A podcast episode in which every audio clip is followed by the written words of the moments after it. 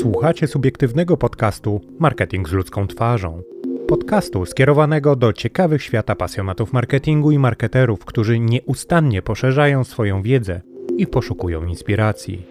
Do wszystkich, którzy podzielają mój punkt widzenia o tym, że warto jest rozmawiać i wymieniać się osobistym doświadczeniem z innymi. Gościem odcinka pod tytułem Obraz zaangażowania i realna konsumpcja social mediów jest Jacek Pogorzelski. Doktor, ekonomista, trener, wykładowca uniwersytecki. Popularyzator biometrii w marketingu, czyli neuromarketingu. Ekspert Ministerstwa Rozwoju Regionalnego. Autor licznych książek o marketingu i strategii. Odcinek poświęcony jest w całości social mediom, influence marketingowi naukowemu podejściu do zaangażowania followersów generowanemu przez content influencerów oraz poradom dotyczącym tworzeniu kontentu lepiej docierającego do jego adresatów. Zapraszam do wspólnego spędzenia czasu i wysłuchania tego odcinka. Ja nazywam się Andrzej Wierzchoń, a moim gościem jest Jacek Pogorzelski. Posłuchajcie naszej rozmowy.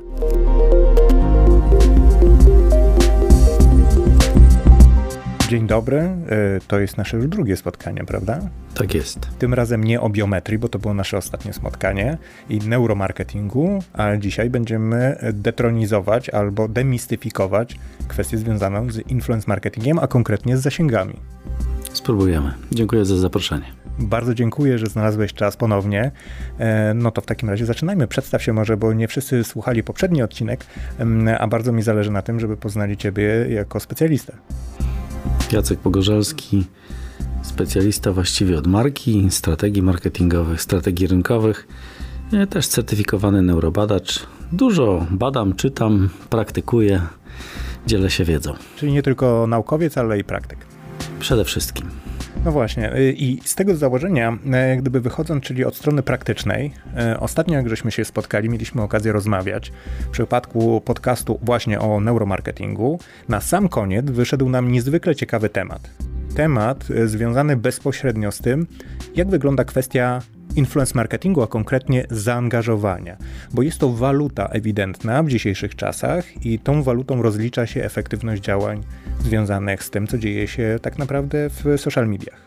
Tak jest, bo Oczywiście ta tak zwana likeonomics, tak, czyli ta e, ekonomia lajkowania, to nie jest, nie chodzi w niej oczywiście tylko, chociaż też, tak, ale jakby jak każda pierwotna idea ulega pewnym przekształceniom, nie chodzi tutaj o to, co się komu podoba, ale właśnie chodzi o te zasięgi.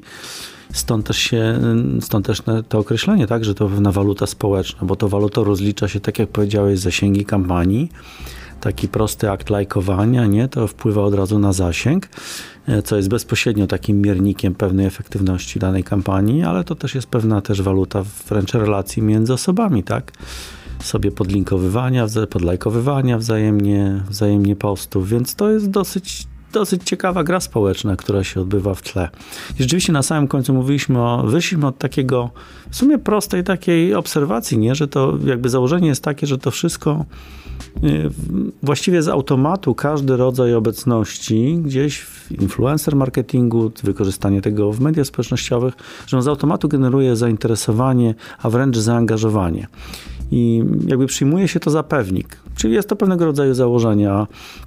Pod koniec powiedzieliśmy o tym, że no właśnie, że czy aby na pewno zawsze tak jest? To znaczy, czy sam właśnie zalajkowanie, pisanie do ulubionych, e, followowanie, do połączenia, bo tam przeróżne formy to przybiera, natomiast czy ten czy to jest zawsze po pierwsze zaangażowanie, po drugie, czy to jest zawsze taki sam typ zaangażowania, czy zawsze za tym aktem stoi taki sam mechanizm. No i tak e, zaczęliśmy sobie rozmawiać, że są wątpliwości. Są wątpliwości, ja powiem ze swojej strony też praktycznej, no bo wiele lat się tym zajmowałem tematem. E, I to zaangażowanie o tyle jest walutą, że z jednej strony, znaczy jest trochę przeciąganie liny, jeżeli chodzi o zaangażowanie. Dlatego, że z jednej strony firmy, które zajmują się influence marketingiem, próbują to zaangażowanie e, podkreślić jako uniwersalny język, którym mówimy o tym, że na przykład, nie wiem, kampania, produkt spotkał się z dużym zainteresowaniem e, ludzi odwiedzających social media pod wpływem właśnie ów influencerów. Z drugiej jednak strony ci influencerzy gwarantują na swój sposób pewnego rodzaju jakościowe zaangażowanie. I de facto, patrząc na to wszystko, spotkałem się od bardzo płytkiego podejścia polegającego właśnie na tym, co, o czym ty powiedziałeś przed chwilą, czyli jakakolwiek obecność jest rozliczana jako, no cóż, no przecież y, obserwator był zaangażowany, bo na przykład, nie wiem, postawił lajka, y, po, posłał kciuka w górę i tak dalej, i tak dalej. Z drugiej jednak strony, jaką my mamy pewność, czy w rzeczywistości to jest taki sam jakościowy e, sposób e, zaangażowania danego konsumenta w to, co się dzieje po drugiej stronie. I to poddaliśmy obaj tak naprawdę w wątpliwość, bo jak gdyby z tego wyszliśmy, że my to rozumiemy kompletnie inaczej. Ty masz jeszcze dodatkowo do, na ten temat badania. Tak, jak najbardziej. No dobrze, to mm, troszeczkę spróbujmy zdekonstruować to zaangażowanie. Co to w ogóle takiego jest? Znaczy, w tym świecie, w którym ja obcuję, rzeczywiście to zaangażowanie oznacza coś takiego konkretnego, ale coś, co łatwo jest wytłumaczyć. Zaangażowanie jest to, zaangaż- jest to coś polegającego na tym, że dany bodziec, czyli to, z czym się spotyka odbiorca kampanii, danego posta, czegokolwiek, że ta osoba albo się, albo właśnie tak emocjonalnie jakby wchodzi w daną sytuację, kupuje coś jako swoje, utożsamia się na pewnym poziomie, żeby tego, nie chciałbym tego jakby za, za bardzo przeciągnąć, bo to za chwilę wchodzi w jakieś takie duże kwantyfikatory, nie wiadomo jako emocjonalność, to wszystko jest strasznie, strasznie powierzchowne. Natomiast to jest generalnie albo kupowanie jakiegoś bodźca, jakiejś sytuacji, wchodzenie, angażowanie się właśnie w to na zasadzie kontakt z tym jest dla mnie jakoś satysfakcjonujący, albo wektor w drugą stronę, nie interesuje mi, jest mi obojętne, bądź czasami wręcz odrzuca, tak? Czyli zupełnie jakby unikam kontaktu. To jest prosta taka, jeśli się mówi w psychologii, walencja emocjonalna, albo plus, podoba mi się, tak, moje, fajne, wchodzę, chcę tego więcej, tak, jest to jakiś taki, nie wiem, się mówi czasami marker fajnego doświadczenia, z których chcę sobie powtarzać, mieć jeszcze w przyszłości z tym kontakt, albo wręcz odwrotnie, tak, nie chcę, nie interesuje mnie, denerwuje i tak dalej, i tak dalej. I tutaj rzeczywiście, jak spojrzymy na to od tej strony, to to to ten prosty akt postawienia tego lajka, czy nawet udostępnienia, czy no udostępnienia już bardziej, tak, to, to są pewnego rodzaju, jak to się mówi, takie miary pośrednie, czyli pewnego rodzaju proksy, no właśnie tego zaangażowania, ale jednak jak na przykład patrzymy już na przykład w, w pomiarach biometrycznych, to tam ten obraz jest dużo bogatszy i dużo bardziej zróżnicowany. Po pierwsze zaczynamy od czegoś tak bardzo prostego jak czas, interakcja. Jaki to czas z tym bodźcem ten ktoś ma do czynienia? Jak spojrzymy na to, prosimy na przykład respondentów, a proszę sobie tam w telefonie wejść na swój tam, do jakieś medium społecznościowe, sobie normalnie proszę oglądać jakby treść, tak, którą teraz tam ma pan, pani w tym swoim feedzie, tak jak to normalnie robi pan, pani naturalnie. Ludzie naprawdę, mm, no cóż, zasuwają. Zasuwają obrazek, coś, szybkie zatrzymanie, następny, następny. Widzimy też pewne zróżnicowania, niektórzy szybciej, drudzy wolniej, ale naprawdę to jest lawina. To jest lawina. Yy, tak czasami próbujemy nawet zmierzyć, ile tam, na przykład w jakichś odcinkach czasowych, tak, to przez minutę ile tego jest. Potrafi być naprawdę sporo. I teraz, yy, no krótko mówiąc, zaangażowanie. I teraz y, powiedzmy, że na 60 obejrzanych takich postów, no ktoś, nie wiem, jeden stawia 7, a drugi 20 na przykład różnego rodzaju właśnie znaczki, tak, oznaczenia. Czy to znaczy, że każdy z nich y, był jakoś angażujący?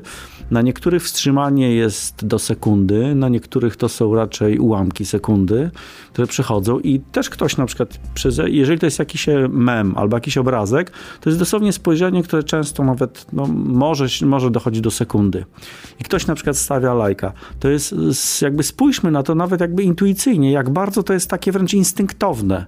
Jak to jest takie wręcz no, jakby pierwotne niemalże zachowanie, tak? Po prostu albo na tak, albo na nie. To jest pewnego rodzaju taki stały jakby lawina taka pewnego konkursu, Właśnie trochę tak jak Zuckerberg wymyślił Facebooka, tak? gdzie tam te zdjęcia były i e, albo za, albo przeciw. E, Tinder, za albo przeciw. Tak? To są te takie bardzo, bardzo proste wybory. I w sumie my mm, jakby coraz bardziej widzimy, że bardzo wiele z tych tak zwanych decyzji, to są decyzje skrajnie powierzchowne. Tam trudno jest mówić o jakimś zaangażowaniu, bo nawet jak patrzymy na EEG, a spójrzmy na te takie właśnie, czy mamy chociaż jakoś tutaj jakieś wzmożenie, tak? To jakoś e, ten e, arousal, albo właśnie na, na, na, na tej odpowiedzi galwanicznej skóry, nie? Czy mamy jakoś faktycznie reakcję, to czasami to jest o tyle zaskakujące, że ktoś później, jak rozmawiałem z kimś tam, no dobrze, a co się tam pani, czy tam panu podobało w tych i ludzie na przykład deklaratywnie, świadomie coś sobie przypominają, że był jakiś tam fajny mem, czy coś na przykład, ale na przykład ich organizmy, na przykład ich mózgi w ogóle na to w żaden sposób nie reagują. To jest niesamowite, dlatego że tutaj powiedziałeś o tym, że wchodzimy w badania tak naprawdę realnych reakcji organizmu, bo mówimy tutaj o EEG, czyli mówimy o badaniu reakcji mózgu, elektrycznej reakcji mózgu na e, dany bodziec. Z drugiej strony mówimy o reakcji skóry, co jest już niemalże podświadome, bo tutaj jak gdyby nie mamy bezpośrednio na to też wpływu większego. No, potliwość, nie? No, no to dokładnie. jak możemy tym sterować? O, o to właśnie chodzi, w związku z czym e, mówimy tutaj o braku reakcji, czyli innymi słowy te impulsy przechodzą przez nas, staje się to odruchem. Korzystanie z social mediów, na e, w social mediach w pewnym momencie jak gdyby jesteśmy w sposób na tyle natywny i oczywisty, że jakby schodzi to z poziomu już rozumienia, a po prostu zwyczajnie zwykłego działania, zabijania czasu. Można to nazwać już wchodzeniem w takie obszary, gdzie jak gdyby to jest bez kompletnie refleksji jakiejkolwiek. No i to jest e, świetna charakterystyka. Mm, dwa punkty widzenia. Mamy taki punkt nawet, e, nawet naukowy, mm, taki no, neurobiologiczny, który mniej więcej no, mówi o tym, o uwalnianiu dopaminy, tak? Czyli, że no i z tego też się wzięły takie popularyzatorskie teorie, jak na przykład ten hack Nira Eyala, czyli The Hook, tak? Czyli, że to jest generalnie na przykład przeglądanie mediów społecznościowych działa na zasadzie pewnego mechanizmu uzależnienia.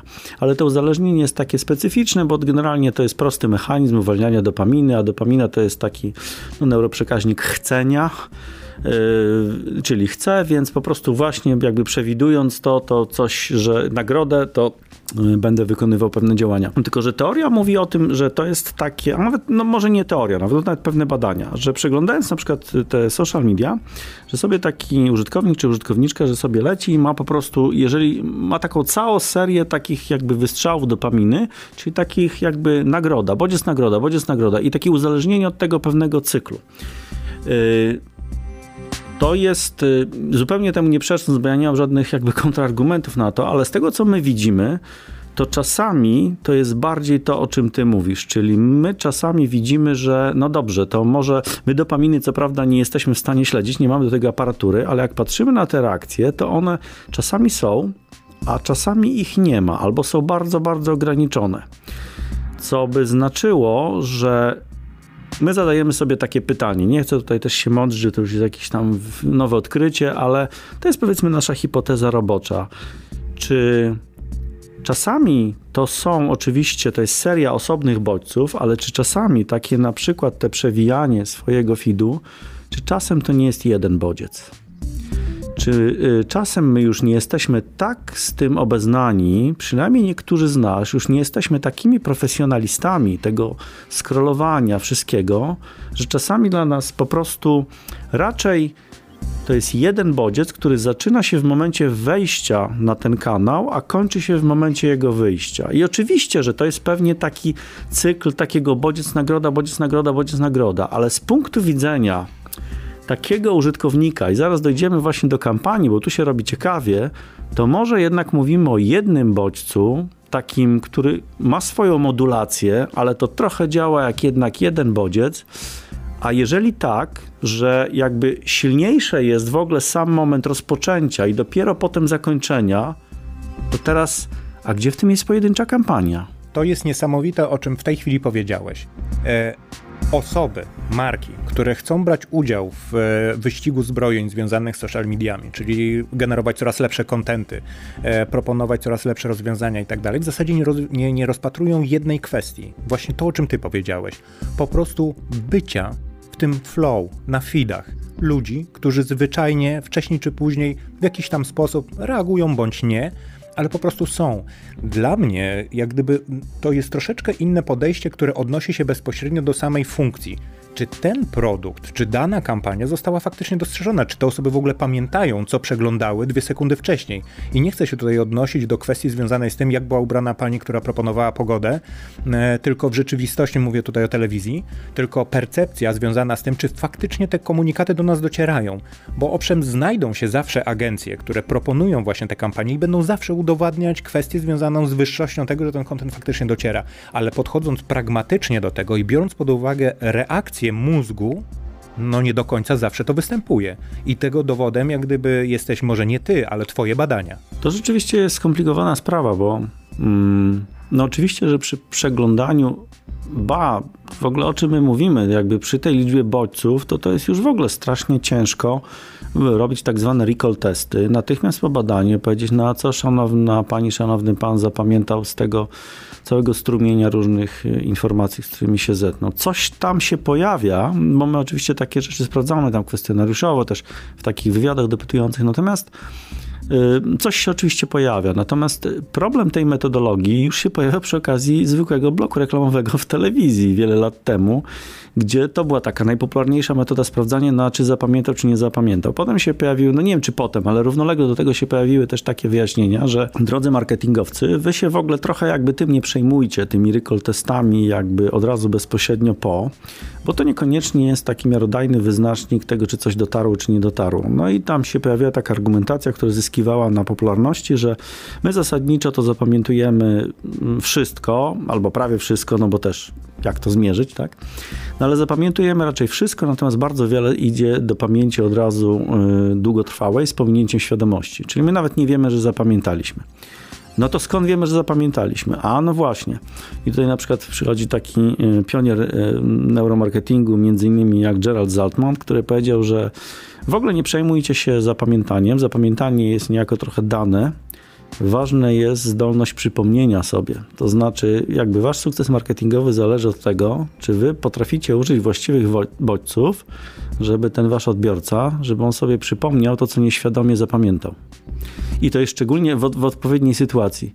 I to jest rzeczywiście dosyć e, teraz przy przy takim natężeniu bodźców, a to były jeszcze czasy wtedy CD, nam telewizyjne, tak, no to okej, okay, no to tam 6, 7, 8 reklam w bloku, e, a tutaj mówimy na przykład no, kilkadziesiąt na minutę, tak, e, bodźców, przeróżnych kampanii, e, właściwie takich fragmentów tych kampanii, różnych głupot przetykanych, przeróżnego charakteru wiadomości, bo coś znajomy, jeden dla humoru coś zrobił, ktoś inny coś tam jest, a tu mamy wiadomości komercyjne, to jest wszystko jakby jedna sałatka, tak? I tu jest kłopot. I nawet jeżeli teraz jeszcze tylko chwileczkę, i teraz załóżmy, że mechanizm jest dokładnie ten sam. Ludzie zapamiętują w zasadzie no prawie wszystko, niezależnie od tamtego kontaktu, czy też tego jakby mm, charakteru tego kontaktu, jego trwałości. Natomiast no właśnie, zapamiętali z pominięciem świadomości 20, 40, ile? 50, 150 w czasie takiej jednej sesji, 750 różnych e, bodźców. Załóżmy, że to wszystko jakiś tam mikroślad gdzieś zawarło. No dobrze, to nie jest łatwiej, tylko jest trudniej, bo jeżeli idziemy tą linią, to teraz co marketer ma zrobić, jednej kampanii, która się pojawiła w tym strumieniu, żeby właśnie aktywować to, co on tam, czy ona tam wyemitowała. I to jest y, bardzo ważny punkt też do rozważenia w kontekście marketerów, y, planujących pewnego rodzaju działania, bo samo pasywne bycie w social mediach w rzeczywistości chyba niewiele już na dzień dzisiejszy wnosi. Kiedyś byłoby, kiedyś można by było podchodzić do tego, że to jest nowum, w związku z czym jest to modny trend, tam wszyscy chcieli być, poświęcali więcej czasu na zajrzenie, na skonsumowanie tych treści, a to, czym my w tej chwili rozmawiamy, to jest już tak naturalna funkcja, że my po prostu wręcz oczekujemy czegoś, jakichś treści, które nas zaangażują. I to jest właśnie kluczowe, że w tej chwili tych treści tak naprawdę nie ma, bo większość tych treści, mówię tutaj o influence marketingu, czy w ogóle treści, które nas dotykają gdzieś, przepływają przez nas, bo nie są angażujące, albo są niskiej jakości, dlatego że są po prostu zwyczajnie masowo produkowane przez osoby, które czy uważają się za influencerów, bądź też nie. Jak gdyby nie, nie przytykam teraz absolutnie żadnej siły, ani nie, nie chcę też negować ich działań, bo wiele osób wkłada to pół życia albo całe swoje życie, jest mega zaangażowanych, ale mówię o tych treściach ludzi, którzy jak gdyby chcą nosić imię influencer i w rzeczywistości generują kolejny, kolejne treści, nie zdając sobie z tego sprawy, że są jednym z setek tysięcy, milionów innych osób, które próbują się wybić w tej kategorii, a nie mają na siebie pomysłu, w związku z czym powielają ten sam content, te same metody i w tym samym, tym samym produkują dokładnie taki plankton informacyjny, który po prostu nas zalewa. Natomiast zastanawiam się jeszcze nad jedną rzeczą, to o czym ty powiedziałeś, bo to jest niezwykle istotne, czyli ilość zapamiętań w jednej sesji.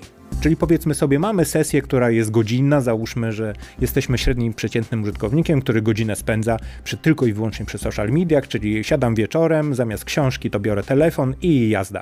I jadę po swoim Instagramie na przykład. W tym momencie przeglądam te obrazki, tych obrazków się przewija przez tę godzinę no setki setki, dosłownie setki, na kilka zareaguje tak lub inaczej, w zasadzie to deklarując bardziej to, że dane osoby są w moim feedzie, w związku z czym od czasu do czasu wypada też zalajkować, no bo inni widzą moje lajki, w związku z czym w ten sposób również dekla deklaruję swój lifestyle.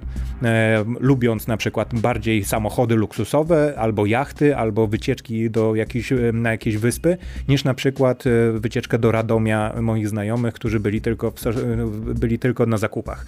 W związku z czym, jak gdyby sprowadzając to do tego takiego płytkiego podejścia, to nie jest teraz kwestia ilości takich zapamiętań, no bo doszlibyśmy do pewnego rodzaju jakby absurdu, do którego w pewnym momencie chyba też prasa doszła. Bo są, nawet na, nadal są na rynku takie gazety, w których przeważają reklamy. I w tym momencie, czy my konsumujemy to? Nie, kupujemy taką gazetę właśnie deklaratywnie, bo one definiują nas na swój sposób. I teraz pytanie jest następujące: czy to ilość interakcji jest istotna, czy ilość, bo te zapamiętania nie są nie do zbadania, to z jednej strony. Z drugiej strony, angażująca treść. To jak w takim razie wygenerować znaczy, chcę, żebyś pomógł trochę marketerom, czyli co zrobić, żeby treść była angażująca na tyle, żeby ktoś niepodświadomie zalajkował albo przeleciał w tym feedzie, tylko faktycznie zatrzymał się i spróbował chociaż wejść w świat marki, poznać produkt, nie wiem, cokolwiek innego niż tylko nieświadomie przesunąć po prostu palcem wyżej. Tak, takie podpowiedzi są oczywiście i one, mm, one też często brzmią dosyć y, nudnie z tego powodu, że one się wiele nie zmieniają, bo to są pewne mechanizmy, a narzędzia się zmieniają, a mechanizmy jakoś nie bardzo, bo my ciągle próbuje się z nas zrobić może jakiś, nie wiem, cyborgów, ale my dalej z uporem maniaka jesteśmy ludźmi. E, więc reagujemy w sumie cały czas w sposób bardzo zbliżony, nawet na nowe rzeczy. I chcemy w sumie ciągle tego samego. No i teraz e, kilka rzeczy tutaj jest oczywiście. Można by wymienić coś takiego, co mm, no właśnie, w kontekście influencer marketingu. To jest jedno z narzędzi, które ma za zadanie, którego celem prawdopodobnie zamierzonym jest realizacja jednego z takich kryteriów, a mianowicie no, trzeba się jakoś przebić. Dlatego, że rzeczywiście to działa. Jeżeli się ktoś przebije tym, a co to znaczy przebić się? Przebija się na są jakby tutaj dwie reguły. Pierwsza to jest tak zwana familiarność, czyli ja to znam. I tu jest pewne przekleństwo dla marketingowców, dlatego że ludzie lubią to, co znają lubią. Dlatego jak na przykład spojrzymy, no a co ludzie z własnej nieprzymuszonej woli oglądają na przykład na tym Instagramie, to się okazuje, że oglądają bardzo dużo podobnego.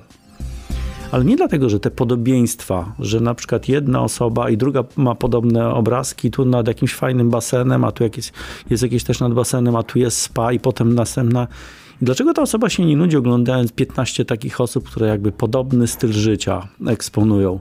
Bo to lubi, bo to jest znajome, bo to jest przyjazne, bo utożsamia się być może z takim światem.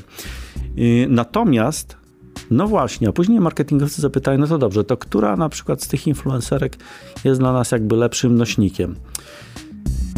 I tutaj bym powiedział przewrotnie, żadna albo wszystkie. To znaczy, jeżeli interesuje zagospodarowanie na przykład nas pewnego stylu życia, to prawdopodobnie dobra by była kampania, gdyby się to, co oferujemy, mogło się pojawić w kontekście jakby stylu życia wszystkich tych influencerek, bo wtedy byśmy mieli bardzo silny inny z kolei taki mechanizm, który się nazywa mechanizmem czystej ekspozycji. Czyli wystarczy, że czegoś się pojawia dużo, to on trochę wyewoluował. Kiedyś tam w latach 60. taki profesor Robert Zając to sformułował i fa fajna rzecz, bo efekt czystej ekspozycji to do pewnego momentu mi się wydawało, że to jest taki ratunek dla takiego po prostu, przepraszam, niezbyt światłego marketingowca, który tam nie ma wyrafinowanej palety narzędzi, ale dysponuje solidnym budżetem, stać go na to, żeby walnąć, a potem następny raz i następny raz i po prostu siłą samej częstotliwości powtarzania danego bodźca będzie dobrze. No bo ten efekt czystej ekspozycji polegał na tym, że im częściej z jakimś bodźcem mamy do czynienia, tym bardziej, uwaga, zmienia się nasze nastawienie wobec niego na pozytywne. Więc bardzo ciekawy efekt. To nie jest takie, że po prostu no, łatwiej zapamiętujemy. Nie, nie, nie. Jeżeli na początku coś jest nam obojętne, a potem jednak cały czas nam się to tłucze do głowy, to my po jakimś czasie, y, no wtedy profesor Zając zaobserwował, no my po jakimś czasie nawet zaczynamy to lubić. Natomiast y, te wcześniejsze, y, tutaj bliżej nas, tak, te bardziej współczesne interpretacje tego efektu nie są już tak optymistyczne, bo one raczej mówią o wzmacnianiu pierwotnego nastawienia. Czyli, że jeżeli jednak na początku ja miałem nastawienie takie neutralne, to być może jak się jeszcze z czymś e, często stykam, z jakimś bodźcem, bo na przykład jakiś influencer czy influencerka coś właśnie często w jakimś kontekście nam przedstawia, to jest jeszcze szansa na to, że ja zacznę do tego mieć stosunek trochę bardziej pozytywny, ale jak mnie to od samego początku wkurzało, to to, co oni robią, tylko pogłębia mnie to niekorzystne nastawienie. Więc jakby są... I trzeci mechanizm do tego dorzucił, rakoratunek, czyli czyli przepraszam, mieliśmy pierwszy to jest Oczywiście mamy ten sama częstotliwość, druga drugi mechanizm to jest e, w ogóle pewne takie zabawa między tym, co ludzie znają, czyli familiarnością i takim odróżnieniem się, wychodzeniem trochę spoza, spoza tłumu. Cały czas ten mechanizm jest aktualny, dlatego że my mamy obojętny odbiór tego, co jest dla czego, może tak, tego, czego się spodziewamy. Jeżeli się spodziewamy, że tam będzie dużo mody, dużo torebek, dużo stylu życia, albo odwrotnie, będzie dużo, nie wiem, męskiej przygody, jakichś kładów i tak dalej, i tak dalej, to i teraz to jest pułapka, to znaczy to może być pułapka, bo mówimy, ale ludzie oglądają to, co lubią. Tak, ale ponieważ się właśnie tego spodziewają, to ich odbiór jest raczej o, taki neutralny, no taki nawet na granicy obojętności, bo jeżeli człowiek dostaje to, czego się spodziewa, to nic nie wybija go z tych kolejn. A wiemy przecież dobrze, no w marketingu, w brandingu, tak, że z drugiej strony w tej takiej familiarności powinniśmy jednak wyskoczyć czymś takim, co by, co by człowieka zaskoczyło. I trzecia bardzo ważna rzecz, to jest, y, to jest krytyczna sprawa i to, to mnie zupełnie zdumiewa. Dlaczego tak, tak często się to no, traktuje trochę po macoszemu? To jest ten tak zwany ejkerowski relevance. To musi być na jakimś poziomie istotne dla tego człowieka. Nie możemy absolutnie się spodziewać, że ktoś będzie cenił coś, czego nie ceni, że uzna za ważne coś, co jest dla niego nieważne. Nie, bo wtedy to jest po prostu jeden z bodźców e, w lawinie. Czyli innymi słowy, nie da się do kogoś przekonać zwyczajnie do czegoś, czego nie jest w stanie zaakceptować, e, czy mentalnie przyzwyczaić do czegoś, to jest jakiś dłuższy proces, także jest jeszcze jakiś ratunek dla marketerów, którzy wprowadzają nowe produkty, nowe rozwiązania, bo nie jest tylko jedno narzędzie właśnie czystej ekspozycji i parę innych rozwiązań, tylko mają troszeczkę większy wachlarz, e, także nie jest tak, tak źle. Wszyscy marketerzy, którzy nas słuchają, mam nadzieję, odetchnęli w tym momencie z ulgą, e, że jakby człowiek nie jest aż tak prostą istotą, że karmi tylko i wyłącznie odruchy, jak gdyby chętnie wpada w pewnego rodzaju e, przyzwyczajenia.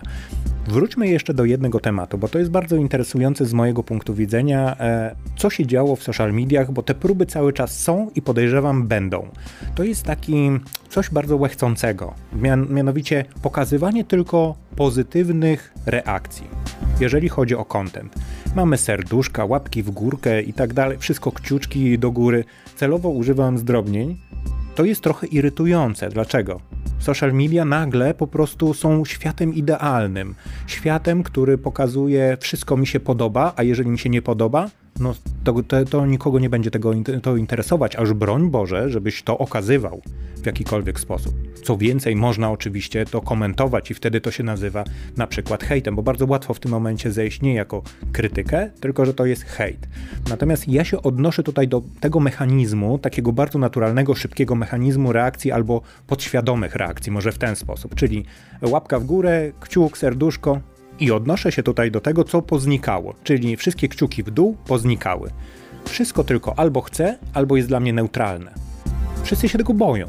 Z jakiego powodu, jak myślisz, to, to występuje, albo jaki to mechanizm jest, który, nie wiem, jest to tylko pro-sprzedażowy, albo pro, nie wiem, konsumencki? Z jakiego powodu znikają kciuki w dół, pęknięte serduszka itd., tak itd.? Z przekonania, że wszelki negatywizm stanowi kulturowe tabu i jest nieskuteczny, a to są dwie różne rzeczy. Czyli z jednej strony można się zgodzić z pierwszą, że po prostu negatywizmu nie lubimy, dlatego że mamy go dużo, wystarczająco. Mamy kłopoty, życie nie jest proste, ciągle trzeba jakieś tutaj rafy pokonywać, nie? I teraz sobie tacy zarządzający markami myślą, no przecież my nie możemy się do tego dokładać. My jesteśmy oazą szczęśliwości, tak? Krainą mlekiem i miodem płynącą. Nie możemy wyjść z tej narracji.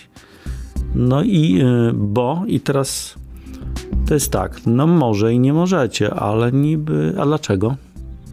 A dlaczego marki by nie miały zajmować stanowiska? Dlaczego nie miałyby mówić o problemach? Mamy świetne przykłady marek, które wypłynęły rewelacyjnie na tym. Oczywiście się zarzuca, że to nie były koncepcje, nie wiem, takie evergreeny, które będą do końca świata, jeden dzień dłużej.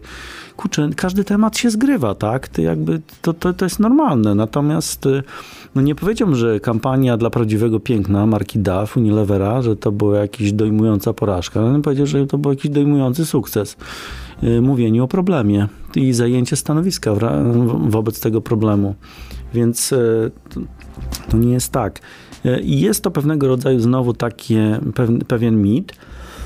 E, mit, który się wiąże z takim przekonaniem, że mówmy zawsze o mm, rozwiązaniu, a jak mówimy o problemie, to natychmiast go pokażmy w kontekście rozwiązania, a to my jesteśmy tym rozwiązaniem. Po pierwsze, y, krzywa uczenia nie dotyczy pojedynczych bodźców, ale dotyczy także mechanizmów. Czyli to, o czym powiedziałeś, to ja bym to zinterpretował w taki sposób, że ludzie się uczą także mechanizmów. A mechanizm to jest tak, jeżeli wszędzie jest y, tylko zdawkowo, jeszcze najczęściej bardzo naiwnie i tak y, no wręcz infantylnie potraktowany problem, a za chwilę jest po prostu rozwiązanie y, pełne wspaniałości i tak dalej, to ludzie się tego mechanizmu już dawno nauczyli, wiedzą, że reklama się na nim opiera i po prostu to jest nuda a nuda to jest właśnie ten ocean. Dokładnie tego się spodziewam i dokładnie to dostaję, w związku z tym nie wywiera to na mnie większego wrażenia. I znowu jesteśmy w tym czerwonym oceanie, a bardzo daleko od błękitnego. Więc y, czasami sięgnięcie po, uwaga, niekoniecznie negatywność, bo też mamy takie tendencje czasami, oczywiście tam chodzenie od, od, od płotu do płotu, tak? Jak nie jedno ekstremum, to drugie. No nie, po drodze jeszcze jest y, cała paleta możliwości. To niekoniecznie od razu musi być skandal, horror i jakby piekło i szatani, tak? Y, zupełnie nie o tym mówimy, ale mówimy na przykład o tym, że są bardzo ciekawe takie teorie na temat tego, że na przykład y, kategorie rynkowe są bardziej definiowane w percepcji ludzi właśnie problemami, a nie rozwiązaniami. Yy, czyli, że to raczej dlaczego? Bo problem jest bliżej tego, czego ja chcę czyli tego mojego docelowego efektu. Ja potrzebuję coś rozwiązać, coś w swoim życiu zrobić, co w tej, a w tej chwili jest luka, yy, kłopot, yy, coś się zepsuło, coś za chwilę się zepsuje, czegoś nie ma, chciałbym, żeby było tak. To jest nasza jakby w ogóle część naszej natury, naszej rzeczywistości. My wiemy, że życie na tym polega, tak? A nagle ktoś nam pokazuje taki świat, gdzie w, w ogóle to jest jakieś zinfantylizowane, najważniejsze to jest potem tylko ta obietnica i teraz uwaga, bo ja to powtarzam, nie wiem, to naprawdę bardzo długiego czasu. Ale drodzy Państwo, tych takich e, obietnic pozytywnych nie ma wiele. Cały numer polega na tym, że w naszej palecie emocji, jak my sobie, w zależności od tam kategorii, czyli tych sześciu bądź siedmiu głównych e, takich grup emocji, to my mamy tylko jedną emocję, którą my wartościujemy jako pozytywną. To jest radość, której tam po prostu też pewnymi tutaj amplitudami są szczęście, satysfakcja i tak dalej. To jest tylko, mamy, mamy tylko jedną pewną domenę jakby wyrazu naszych pozytywnych emocji. Cały reszta nasz jakby aparat, ten nasz toolbox emocjonalny, to są emocje, które my wartościujemy jako negatywne, no i jedna zdziwienie powiedzmy jest taka neutralna. A dlaczego tak jest? A dlatego, że jak napisał we wstępie kiedyś do jednej z swoich książek Mądry Człowiek, ludzie nie zostali stworzeni do tego, żeby być szczęśliwi, tylko do tego, żeby przetrwać. i my musimy mieć aparat i mamy bardzo bogaty aparat ostrzegawczy, który nas ostrzega przed zagrożeniami, bo my musimy przede wszystkim przetrwać. To jest, nas, to jest nasz program, to jest sens naszego życia, a nie y, być szczęśliwi. Natomiast, no cóż, no marketing polega na właśnie zagospodarowaniu tej jednej domeny, właśnie tej tego, tego szczęścia. Taki, I niestety tam jest nudno, dlatego, bo nie ma tak wiele tych efektów, bo można pokazać zadowolonych, szczęśliwych ludzi no, na ile sposobów? Na 20, na 30, na 50, a problemy? A problemy się pokazuje w milionach, bo problemy mają, są znacznie bogatsze i mają znacznie jakby tą szerszą charakterystykę. Nie, nie chcę tutaj jakby, jakby operować taką tanią przewrotnością, tylko chcę pokazać też pewien taki pewien potencjał, że w ogóle mówienie Y, o problemach, to też są dosyć ciekawe badania na ten temat, że mówienie w ogóle o problemach wywołuje większy ten tak zwany ten, ten relevance, że ludzie bardziej się odnajdują w takich sytuacjach, bo po prostu każdy swoje życie zna i to jest bardziej troszeczkę też wiarygodne. A jest pewien sposób też jakby właśnie uprawiania brandingu, który jest trochę, no to jest tak, on nie, może za daleko można powiedzieć, że to jest jakby sposób zapomniany, ale on nie jest bardzo modny i nigdy nie był. To naprawdę trzeba podjąć jakoś prawie, że niemalże wywrotową decyzję, żeby w ten sposób markę pozycjonować, a mieć taką markę, która rzeczywiście mm, mm, znajduje pewne istotne dla ludzi jakieś problemy, problemy społeczne, problemy kulturowe i ona po prostu zajmuje jakieś stanowisko. I, I to stanowisko jest wyraziste. I nagle widać, że ta marka jest w stanie zagospodarować zarówno problem, jak i nie w naiwny, infantylny sposób opowiadać o potencjalnych rozwiązaniach. A jeżeli jeszcze ta marka e, czy ją zarządzający, tak de facto, pokazują w dosyć światły sposób, że ona wcale nie przedstawia siebie jako jedynego antidotum i panaceum, tylko że ona na przykład jeszcze zaprasza innych, że to jest za duże, żebyśmy sobie tylko, żeby jedna marka sobie z tym poradziła, więc musimy to zrobić jakoś tam kolektywnie, no to mamy coś, co można nazwać aktywizmem marki i brandingiem społecznym, a może nawet kulturowym. I tu jest ciekawie. To jest bardzo ciekawe i to jest chyba kierunek, do którego zmierzamy, tylko Pytanie jest, czy my jesteśmy jako konsumenci przygotowani do tego, żeby móc to odbierać. Dlaczego tak to powiedziałem i dlaczego nie jest to pytanie? Bo chciałbym, żeby tutaj jakby odpowiedź jeszcze nie padła. Daj mi szansę jeszcze zaprosić Cię minimum raz, żebyśmy jeszcze pogadali na ten temat. Natomiast chciałbym wrócić do e, kwestii, którą e, Ty poruszyłeś również przed chwilą. Mianowicie ilość impulsów, która na swój sposób trochę nas znieczula. Wiesz, czego ja się obawiam? I to jest pytanie do Ciebie. Czy to nie jest kwestia czasu, kiedy my po prostu zwyczajnie będziemy zdziwieni, że w normalnym życiu, karmieni nieustannie z każdej strony łatwym kontentem, czy radio, czy telewizja, czy internet, czy kwestia social mediów i tak dalej, tak. Tych kanałów jest już teraz taka mnogość, że praktycznie już na zegarkach i wszędzie nam się wyświetla, a za chwilę będzie nam się wyświetlało w okularach właśnie pozytywny obraz. I nagle zdejmujemy te okulary i okazuje się, że życie wygląda inaczej. Wiesz, no, to jest troszeczkę jak gdyby odwrócenie tego, czym tak naprawdę jest życie, a do czego zostaliśmy przyzwyczajeni, no bo większość czasu spędzamy w świecie, no może nie chcę go nazywać wirtualnym, bo to jest tanie, natomiast mówię o świecie wyimaginowanym, w, życie, w świecie reklam, idealnych y, ubrań, idealnych ludzi, którzy są doskonali, bo nie patrzymy na siebie. Tu rzeczywiście są znowu dwie rzeczy, nie? Że, że z jednej strony jest tak, że mamy te prawdziwe życie, które jest właśnie jakby no taką pewną mieszanką, tak, ale jakby generalnie w życiu my sobie radzimy z pewnymi problemami i tak dalej, więc znamy tą rzeczywistość. E, faktycznie jakieś takie epatowanie w tym kontekście e, ciągle taką pewną kolorową papką może być frustrujące i denerwujące. E, chociażby spójrzmy mm, na aktualne, odwołam się do jednego aktualnego zjawiska, wcale nie, nie polskiego, ale też polskiego, tylko przez chyba już globalne przewija się fala wszędzie teraz problemów psychicznych czy psychologicznych.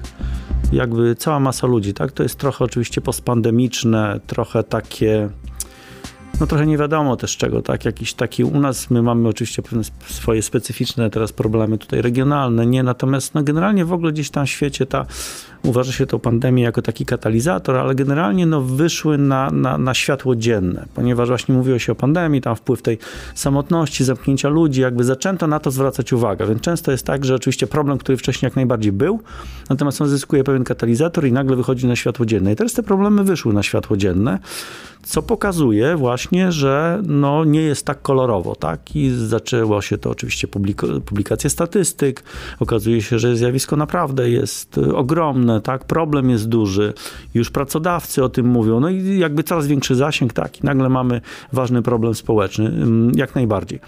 Więc y, i w tym kontekście, no możemy powiedzieć, no dobra, no i co? No i, a, a Instagram czy na TikToku, tak? No bawmy się wszyscy, tak? I, i jak się ma jedno do drugiego? I tu, y, czy, czy te marki aby na pewno mówią właściwym językiem? Trochę parafrazując Twoje pytanie. Tak, można moim zdaniem śmiało takie pytanie postawić, aczkolwiek udzielenie na nie odpowiedzi mi się wydaje, że już wymaga bardzo konkretnego przykładu, bo dla jednych to te pytanie będzie takie, że przesadzacie rzeczywiście z tą. Młodzież dzisiaj strasznie walczy z hejtem, z własnymi rówieśnikami, z, z wieloma problemami takimi autoidentyfikacyjnymi, z, z szukaniem tego, kim są i tak dalej, a tutaj, a wy generalnie i ich pokazujecie coś, co przynajmniej część z nich jakby jeszcze wpycha tylko w jeszcze większe problemy, kompleksy i różne kłopoty psychiczne. Natomiast z drugiej strony no, mamy też zjawisko eskapizmu i to było też od zawsze. Właśnie chociażby, że reklama, tak, ten taki pozytywny świat marek, to było to, że no ale właśnie dlatego, że ludzie mają tyle problemów, to właśnie chcą jednak jakiejś takiej odskoczni, chcą pobyć w tym takim przyjemniejszym świecie i tutaj rzeczywiście pewnie, pewnie bym odpowiedział na to, że że takim najbardziej znienawidzoną oczywiście odpowiedzią, czyli jednak to zależy, bo wygląda na to, że na przykład sporo rzeczywiście tej treści, która na przykład jest na TikToku, ona pełni trochę taką rolę eskapistyczną, takiego właśnie świata, do którego pewnych przepraszam, pierdół, głupot, do których można uciec, ale one w sumie działają dla niektórych y, jako właśnie taka pozytywna ucieczka. Coś w rodzaju zapomnienia. Problemu to żadnego nie rozwiązuje, ale na chwilę tam jest przyjemnie, tak? I może te, ludzie lubią pooglądać też ładne kadry, no to może na Instagramie je znajdują i tak dalej. Możemy sobie jakby pójść dalej, nie? Natomiast rzeczywiście, nawet wracając do początku naszej rozmowy, no ale w tym kontekście stawiając pytanie bardzo mocne o skuteczność konkretnych kampanii, to no jest o co pytać, bo ta odpowiedź wcale nie jest taka oczywista, tak? Czy akurat bycie takim jakby ucieczką, tak, eskapistyczną dla kogoś, kto nie bardzo jakby lubi swoje, y, swoje życie i tego, kim jest, to czy to jest najlepszy sposób na branding? To jest chyba pytanie bardzo właściwe w kontekście nie tylko marketerów, ale definiowania identity marki e, i tego, w jakim języku i jakim językiem chcę mówić do swoich konsumentów. Bo ja się zastanawiam w tej chwili nad e, taką historią, mianowicie będąc karmieni przez te algorytmy, e, nawet udawane algorytmy, mówię tutaj odnoszę się do jednej znanej platformy, która udawała wiele, e, bardzo długi czas e, to, że ma taki algorytm. Także odnosząc się tutaj do dużych platform, które karmią nas kontentem, pytanie, czy nie dojdzie do czegoś takiego jak spłaszczenie oczekiwań, dlatego że w rzeczywistości nasze mózgi przestaną uczyć się, tylko będą działały na zasadzie odbiornika. My przestaniemy mieć własne oczekiwania, będziemy mieć cudze oczekiwania. Innymi słowy, staniemy się bardziej podatni przez ilość tych impulsów na nie tyle sugestie, bo to daleko idące jest, ale kwestie tego, że nie jesteśmy w stanie sami wygenerować własnych osobistych potrzeb, definiować je, tylko po prostu oczekujemy, że będą dane i spośród jakby wachlarza możliwości, które są nam pokazane, będziemy tylko i wyłącznie dokonywać wyborów. Czy trochę już tak nie jest? Bo mm, czy czasem, bo nawet jak mówiłeś, to jakby skojarzyłem sobie pewną nawet taką serię różnych artykułów, jakichś tam publikacji na chyba na zbliżony temat, gdzie kilka rzeczy było zestawianych. Po pierwsze, to jakby różnorodność i wielość y, opcji, możliwości wyboru. I to się zaczyna od oczywiście przeciętnego asortymentu, super hipermarketu i tak dalej, liczby wyborów w ramach każdej kategorii produktowej, po teraz właśnie też przytłoczenie informacyjne, które y, to jest dosyć nawet zabawna sprawa, ale w 69 roku ubiegłego wieku, jak Al Rice i Jack Trout pisali pozycjonowanie, walkę o twój umysł, to wtedy y, pisali o chyba hiperkonkurencyjności właśnie informacyjnej bodźców, że jest taka straszna konkurencyjność o te miejsce w naszej świadomości. Nie, no to z dzisiejszego punktu widzenia to rzeczywiście, no to dobra, dawajcie, no pokażcie ile tam tych bodźców konkurowało wtedy w tych, w tych waszych mediach, tak, w tej telewizji, w tym radiu, no i spróbujemy to zestawić z tym, co jest dzisiaj, więc jest bombardowanie informacjami, bombardowanie informacjami i w ogóle opcjami, możliwości to wpływa na też czasami taki no, paraliż decyzyjny. Natomiast y, jest też taka opcja, jakby rozpoznaję też takich kilku nawet autorów, którzy piszą właśnie dokładnie o tym, co powiedziałeś, czyli że to jest takie mm, pewna mm, nawet dehumanizacja człowieka w tym sensie, że jest tak, taka duża paleta y, wyborów właściwie w każdym obszarze życia religijnym, ideologicznym, y, y, żywieniowym, wellbeingowym, zawodowym, jakimkolwiek. W każdym jest takie wypełnienie paletami możliwości spędzania wolnego czasu, tak? realizacji się na różne sposoby jako producenci, konsumenci, producento-konsumenci w każdym obszarze, że no cóż, przychodzi mi do głowy tutaj taki yy, ciekawy, taki, ciekawy taki dyskurs, że z, podobno Y, z fizycznego punktu widzenia to my żadnej wolnej woli nie mamy.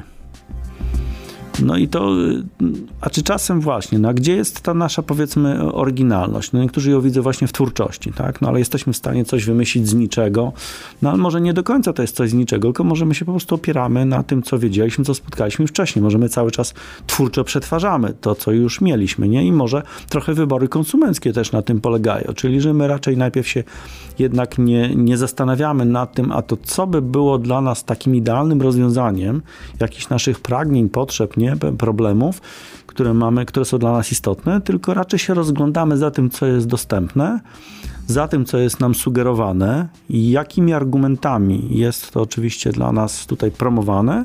No i tak naprawdę w każdym obszarze życia po prostu wybieramy z tego, co akurat widzimy, tak, z czym się nasza percepcja styka. I tylko oczywiście mamy różne tutaj kryteria oceny, które nam w tym pomagają, tak, ale też z tymi kryteriami oceny to też jest y, sprawa, która wydaje się, że to już dawno została rozstrzygnięta, a w praktyce takiej marketingowej on ciągle jest tym problem, mianowicie taki, że ciągle dominują no może nie dominują, bo też jakby różnie ten marketing jest prowadzony, ale szokująco często można spotkać te wszystkie listy argumentów, y, bullet pointy, tak, pięć kropek, trzy główne argumenty, cztery główne, pięć głównych, nie, i tak zmieśćmy wszystko, gdzie no, no przynajmniej już z kilkadziesiąt lat wiemy na pewno, że to jest ślepa uliczka. Nie ma to w ogóle najmniejszego sensu. Rzeczywiście storytelling tutaj w to wszedł i na zasadzie takie trochę jakby ludzie przestańcie, bo w ogóle nikt tego nie zapamiętuje, nikt w ogóle nie umie z tego żadnego sensu odczytać. Yy, to może taka dykteryjka, ale to zawsze zabawne. Lubię używać tego przykładu. Kiedyś robiliśmy takie mm, badanie reklam i a propos tego, co ludzie y, zapamiętują i na ile są tego pewni, no i tam było w, w trakcie jednej reklam pojawia się tam samolot w jakimś kadrze, no i potem ludzie obserwowali sobie taki no, skonstruowany blok reklamowy, no i później pytaliśmy, no co Państwo zapamiętali, jakie tam marki były reklamowane, no i w końcu ta konkretna reklama, tak, był, był promowany tam jakiś. No i jakie tam elementy z tej reklamy zapamiętaliście? No i tam był, był samolot. No okej, okay, no a jaki to był samolot? No i niebieski, no i zielony. I były takie dwie osoby, które po prostu dawały prawie że rękę uciąć. Jedna za to, że był niebieski, a drugi za to, że był zielony. A, proszę Państwa, nie ma w ogóle żadnego problemu. Tutaj my i tak jeszcze tą reklamę jeszcze raz obejrzymy i, i się przekonamy, jaki on był. No puszczamy jeszcze raz tą reklamę i okazuje się, że samolot był wielokolorowy, ale dominującym kolorem był żółty. Tak, tak. Tak wygląda nasza percepcja, tak wygląda nasza metoda zapamiętywania. Wydaje mi się, że w dzisiejszym świecie e, z jednej strony jesteśmy trochę otoczeni szarlatanerią e, osób, które jak gdyby chcą nosić, e, że tak powiem, prym prometeuszy, niosących wiedzę, która dawno została za, za jakby zaniechana, już dawno zostały te, te mity rozwiązane, nikt już tego nie kontynuuje. Kto ma świadomość tego, jak było w przeszłości. Natomiast problemem jest to, że tą przeszłość mało kto bada. Jak gdyby doczesność jest na tyle istotna i jak gdyby ten, te ułamki sekund, te milisekundy uwagi, te milisekundy e, o walki o konsumenta są na tyle istotne, że czasami sami marketerzy nie czują tego, że sami są właśnie dokładnie w tym samym nurcie. Bo musimy pamiętać o tym, że sami jesteśmy konsumentami, sami jesteśmy narażeni na tego rodzaju działania i ciężko jest oderwać się z tego wszystkiego i nauczyć rozróżniać, co jest tak naprawdę naszą intencją, a co jest faktycznym działaniem albo oddziaływaniem na wartości, na zmianę poglądu konsumenta, na próbę przekonania konsumenta do danego produktu, do danego rozwiązania. I nie chcę absolutnie teraz banalizować tego, o czym ty mówiłeś, i nie chcę zadać ci pytania, to co byś polecił marketerom w dzisiejszych czasach, na co powinni zwrócić uwagę, ale co byś im odradził? No dobrze, to mm, nawet chyba coś prostego, ale, mm, ale muszę się odwołać do czegoś mniej prostego. System 1 i system 2 poznawczy. E, to dzisiaj już mi się wydaje, że to jest absolutnie wiedza uliczna, bo to już takie szerokie kręgi zatoczyło, że już tutaj każdy o tym wie albo, albo przynajmniej słyszał. Mamy te dwa systemy poznawcze. Wiadomo, nie mamy żadnych systemów poznawczych, ale żeby łatwiej było coś interpretować, my E, robimy takie rzeczy. To akurat zrobili nobliści, więc e, są dobre, wiarygodne źródła. System poznawczy jeden to jest szybki, intuicyjny, taki często z pominięciem świadomości. My bardzo rozwią musimy rozwiązywać, podejmować mnóstwo takich decyzji tu i teraz, natychmiast, w sekundę, w pół sekundy, w, w jedną trzecią sekundy i ten system nam w tym pomaga. Po prostu lecimy na autopilocie ktoś, kto umie jeździć na rowerze, nie kontroluje każdej czynności jazdy. Ktoś, kto umie jeździć samochodem, jedzie właśnie w tym systemie. Dopiero jak coś wybiegnie albo nagle się zmienią światła na czerwone, to wtedy się wybudza i wtedy się aktywuje system 2. I ten pierwszy to jest właśnie taki automatyczny, intuicyjny, bezrefleksyjny i nieanalityczny. I yy, no i tutaj się zaczyna pewien problem, bo to, tam jest duża dyskusja na temat tego, no to ile my tego w ogóle życia i tych wszystkich naszych procesów, to w ogóle za ile odpowiada ten system jeden. Powiedzmy tak, przytłaczająca większość. Nie, nie chcę wchodzić tutaj te w liczby, bo one są przeróżne, ale no przytłaczająca większość. Natomiast mamy też system drugi, to jest właśnie nasz taki y, wnioskujący, analityczny, on jest takim... Mm, oparty na faktach, na porównaniu, na wyciąganiu wniosków. Y, tutaj jest y, jedna, ta, ta, rada moja by dotyczyła tego, że gdy my planujemy kampanię, jakiekolwiek działania, cokolwiek robimy, to dobrze by było, żebyśmy mieli tylko taką świadomość, że my to wszystko jednak y, robimy. To, czego mamy świadomość, że to robimy, to mamy świadomość tego, że jesteśmy w systemie drugim, a planujemy bardzo, bardzo wiele działań, które są adresowane do systemu pierwszego czyli to nasz, czyli z poziomu logiki, wnioskowania, argumentów porównawczych, to jest lepsze, to jest gorsze, to jest mocniejszy argument, to jest słabszy. My projektujemy coś, co będzie odbierane przez kogoś w sposób zautomatyzowany, bezrefleksyjny, intuicyjny, bardzo szybkiego odbioru bodźca, takiego, że być może kolor wygra z argumentem, albo prostota e, zrozumienia jakiegoś zdania spowoduje, że one wygra z każdym innym. I to akurat wygra te najprostsze i najbardziej banalne, a nie te najmądrzejsze z, naj, z naj, naj, najsilniejszym argumentem. Więc e, tutaj moim zdaniem jest taka po prostu pułapka, ale ta pułapka ma taki charakter po prostu takiego evergreena. Ona będzie zawsze. Natomiast jeżeli ktoś potrafi się na tym y, tak jakby złapać, że, że chwileczkę, no my tutaj ale my o tym w ogóle tak analitycznie robimy tutaj rozbiór, no planujemy w porządku, tak, bo tak się to robi, nie?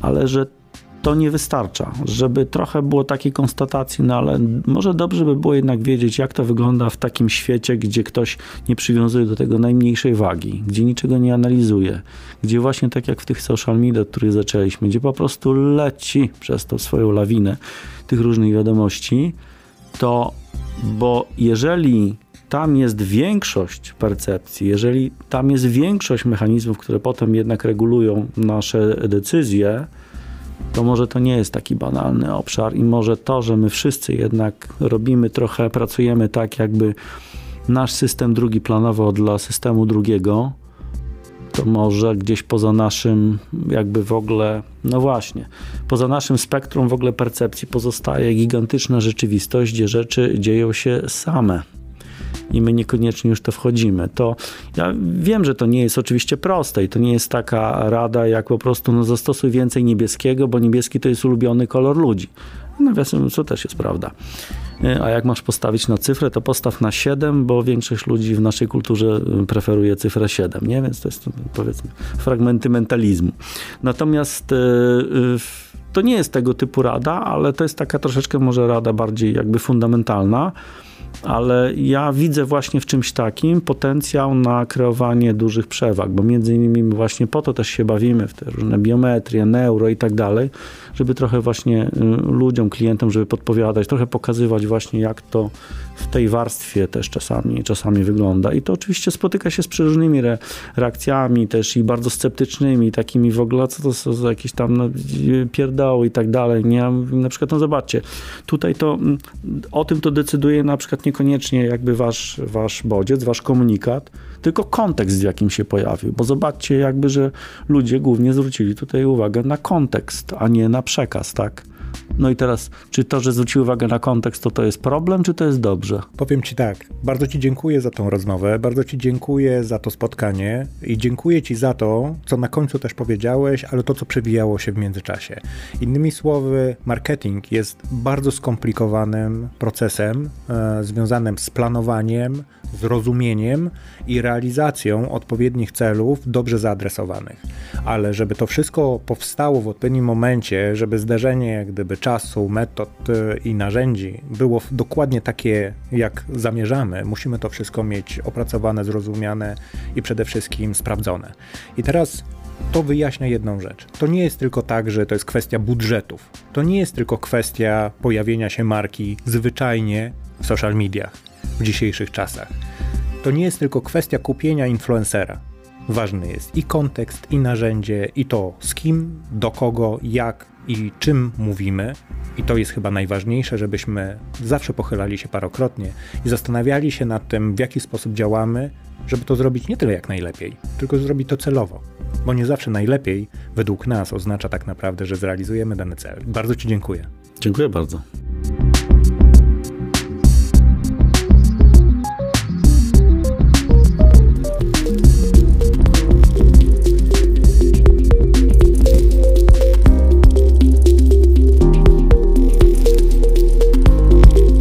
Słuchaliście przed chwilą 27 odcinka drugiego sezonu podcastu Marketing z ludzką twarzą.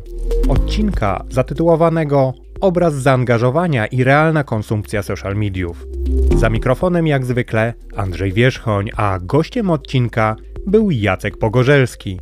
Odcinek poświęcony był w całości social mediom i influence marketingowi, naukowemu podejściu do zaangażowania followersów generowanego przez content influencerów oraz poradom dotyczącym tworzeniu kontentu lepiej docierającego do jego adresatów. Dialog, jak wiecie, jest dla mnie bardzo ważny. Dlatego zachęcam Was do bezpośredniego kontaktu i rozmowy ze mną. Jeśli macie jakiekolwiek pytania, uwagi, komentarze, możecie mnie znaleźć na LinkedInie. Wystarczy, że u góry strony wpiszecie w wyszukiwarkę Andrzej Wierzchoń. Możecie również pisać mail bezpośrednio pod mój adres andrzej.wierzchon.gmail.com Podcast ma swoje profile na Instagramie i Facebooku. Na Instagramie znajdziecie go wpisując Marketing Podcast podkreślenie.pl, a na Facebooku pod hasłem Marketing z ludzką twarzą. Szczegóły i linki jak zawsze umieszczam w opisie tego podcastu. Na sam koniec, jak zwykle, zachęcam do subskrypcji podcastu i wysłuchania poprzednich oraz kolejnych odcinków. Jeśli się Wam spodobały, dzielcie się informacją i linkami ze swoimi znajomymi. Będzie mi bardzo miło dzięki Wam móc dotrzeć do nowych słuchaczy. Odcinek dobiegł już końca. Dziękuję za wspólnie spędzony czas i do usłyszenia w kolejnych odcinkach podcastu Marketing z ludzką twarzą. Subiektywnego podcastu o marketingu, rynku strategii i konsumentach.